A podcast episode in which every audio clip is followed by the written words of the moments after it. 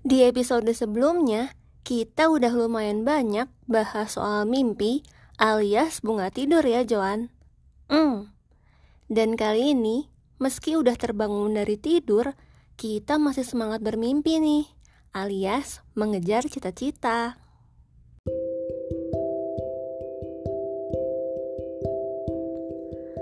Halo, aku Jojo dan juga Joan.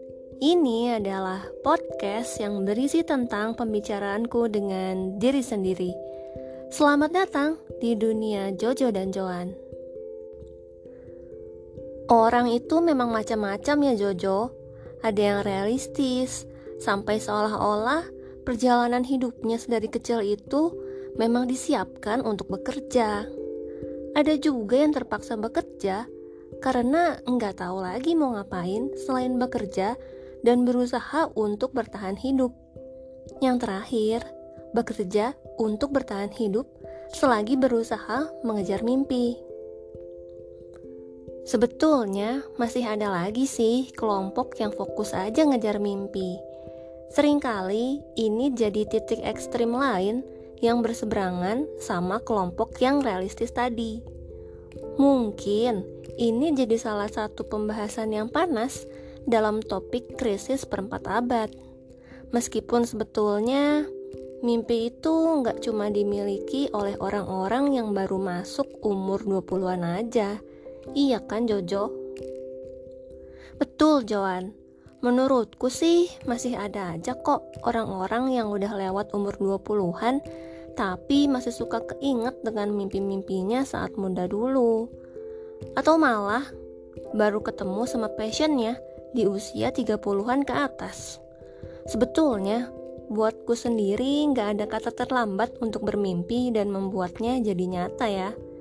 Kita bisa lakuin itu kapan aja, kalau memang mau. Dan berani.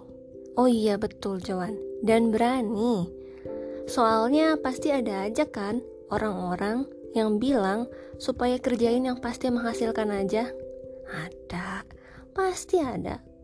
Dan kelompok ini ya Jojo, kalau kita gagal nih dalam perjalanan ngejar mimpi, kemungkinan besar akan bilang, tuh kan gagal, kata gue juga apa, mending kerjain yang pasti berduit aja. Gak percaya sih lo. Masalahnya, ini bukan perkara percaya atau nggak percaya, tapi perkara pilihan hidup dan gimana kita menikmati itu. Memang ini soal perasaan ya.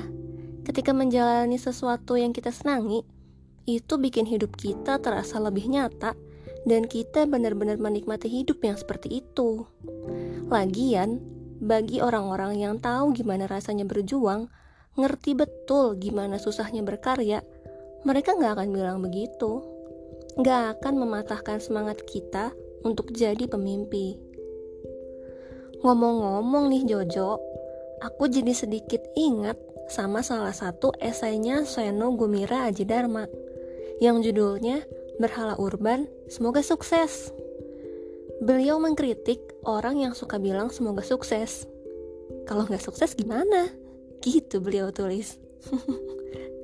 Kurasa di situ beliau ingin menyadarkan kita supaya nggak terlalu mengejar label sukses dan enggak dalam tanda kutip memaksa orang lain untuk mengejar label sukses itu juga.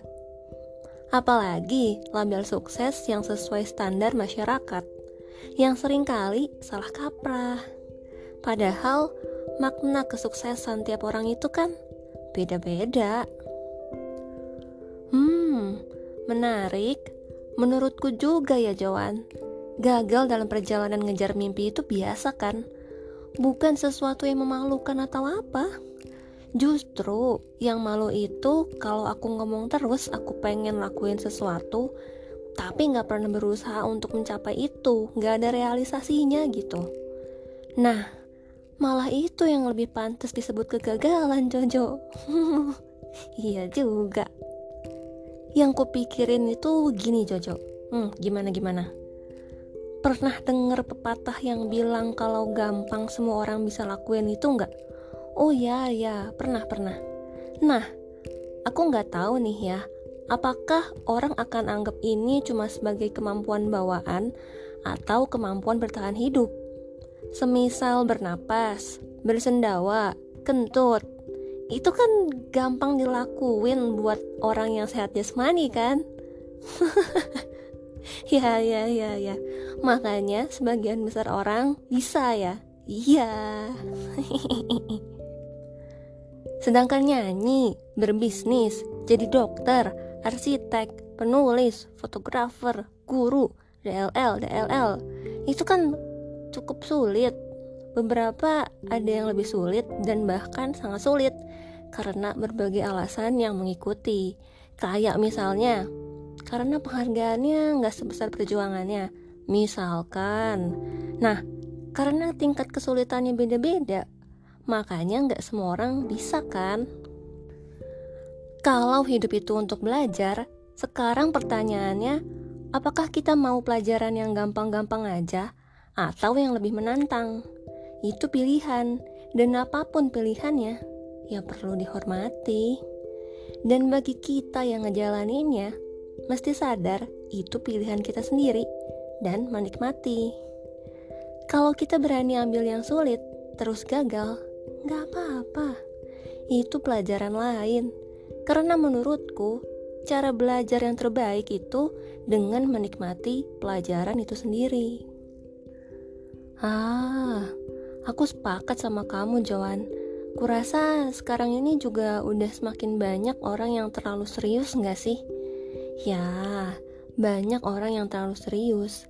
Serius itu diperluin, tapi apa pun kalau berlebihan, jadinya kurang menyenangkan.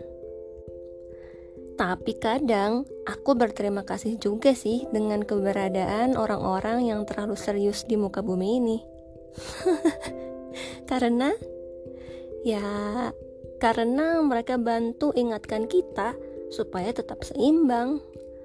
Memang mengejar mimpi itu kemewahan hidup menurutku. Karena nggak semua orang berani lakuin itu atau punya itu, mimpi. Tapi di sisi lain, kita tetap harus cari cara untuk bertahan hidup selama mimpi belum dicapai dan belum bisa hidup dari mimpi itu sendiri. Ini juga jadi pengingat tersendiri untukku sekarang ini sih Jojo. Hmm, ya berhubungan banget sama kamu ya Joan. Iya, tapi kalau yang lebih dalam lagi, janganlah kita bahas sekarang Jojo.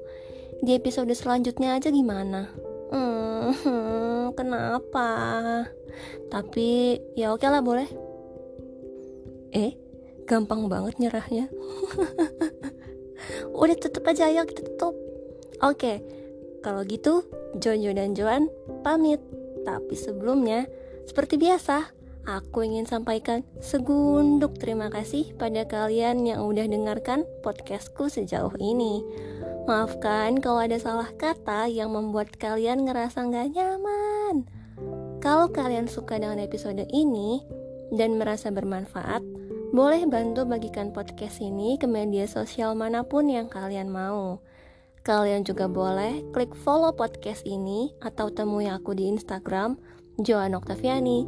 Siapa tahu kalian juga punya kesan atau saran yang ingin kalian sampaikan ke aku.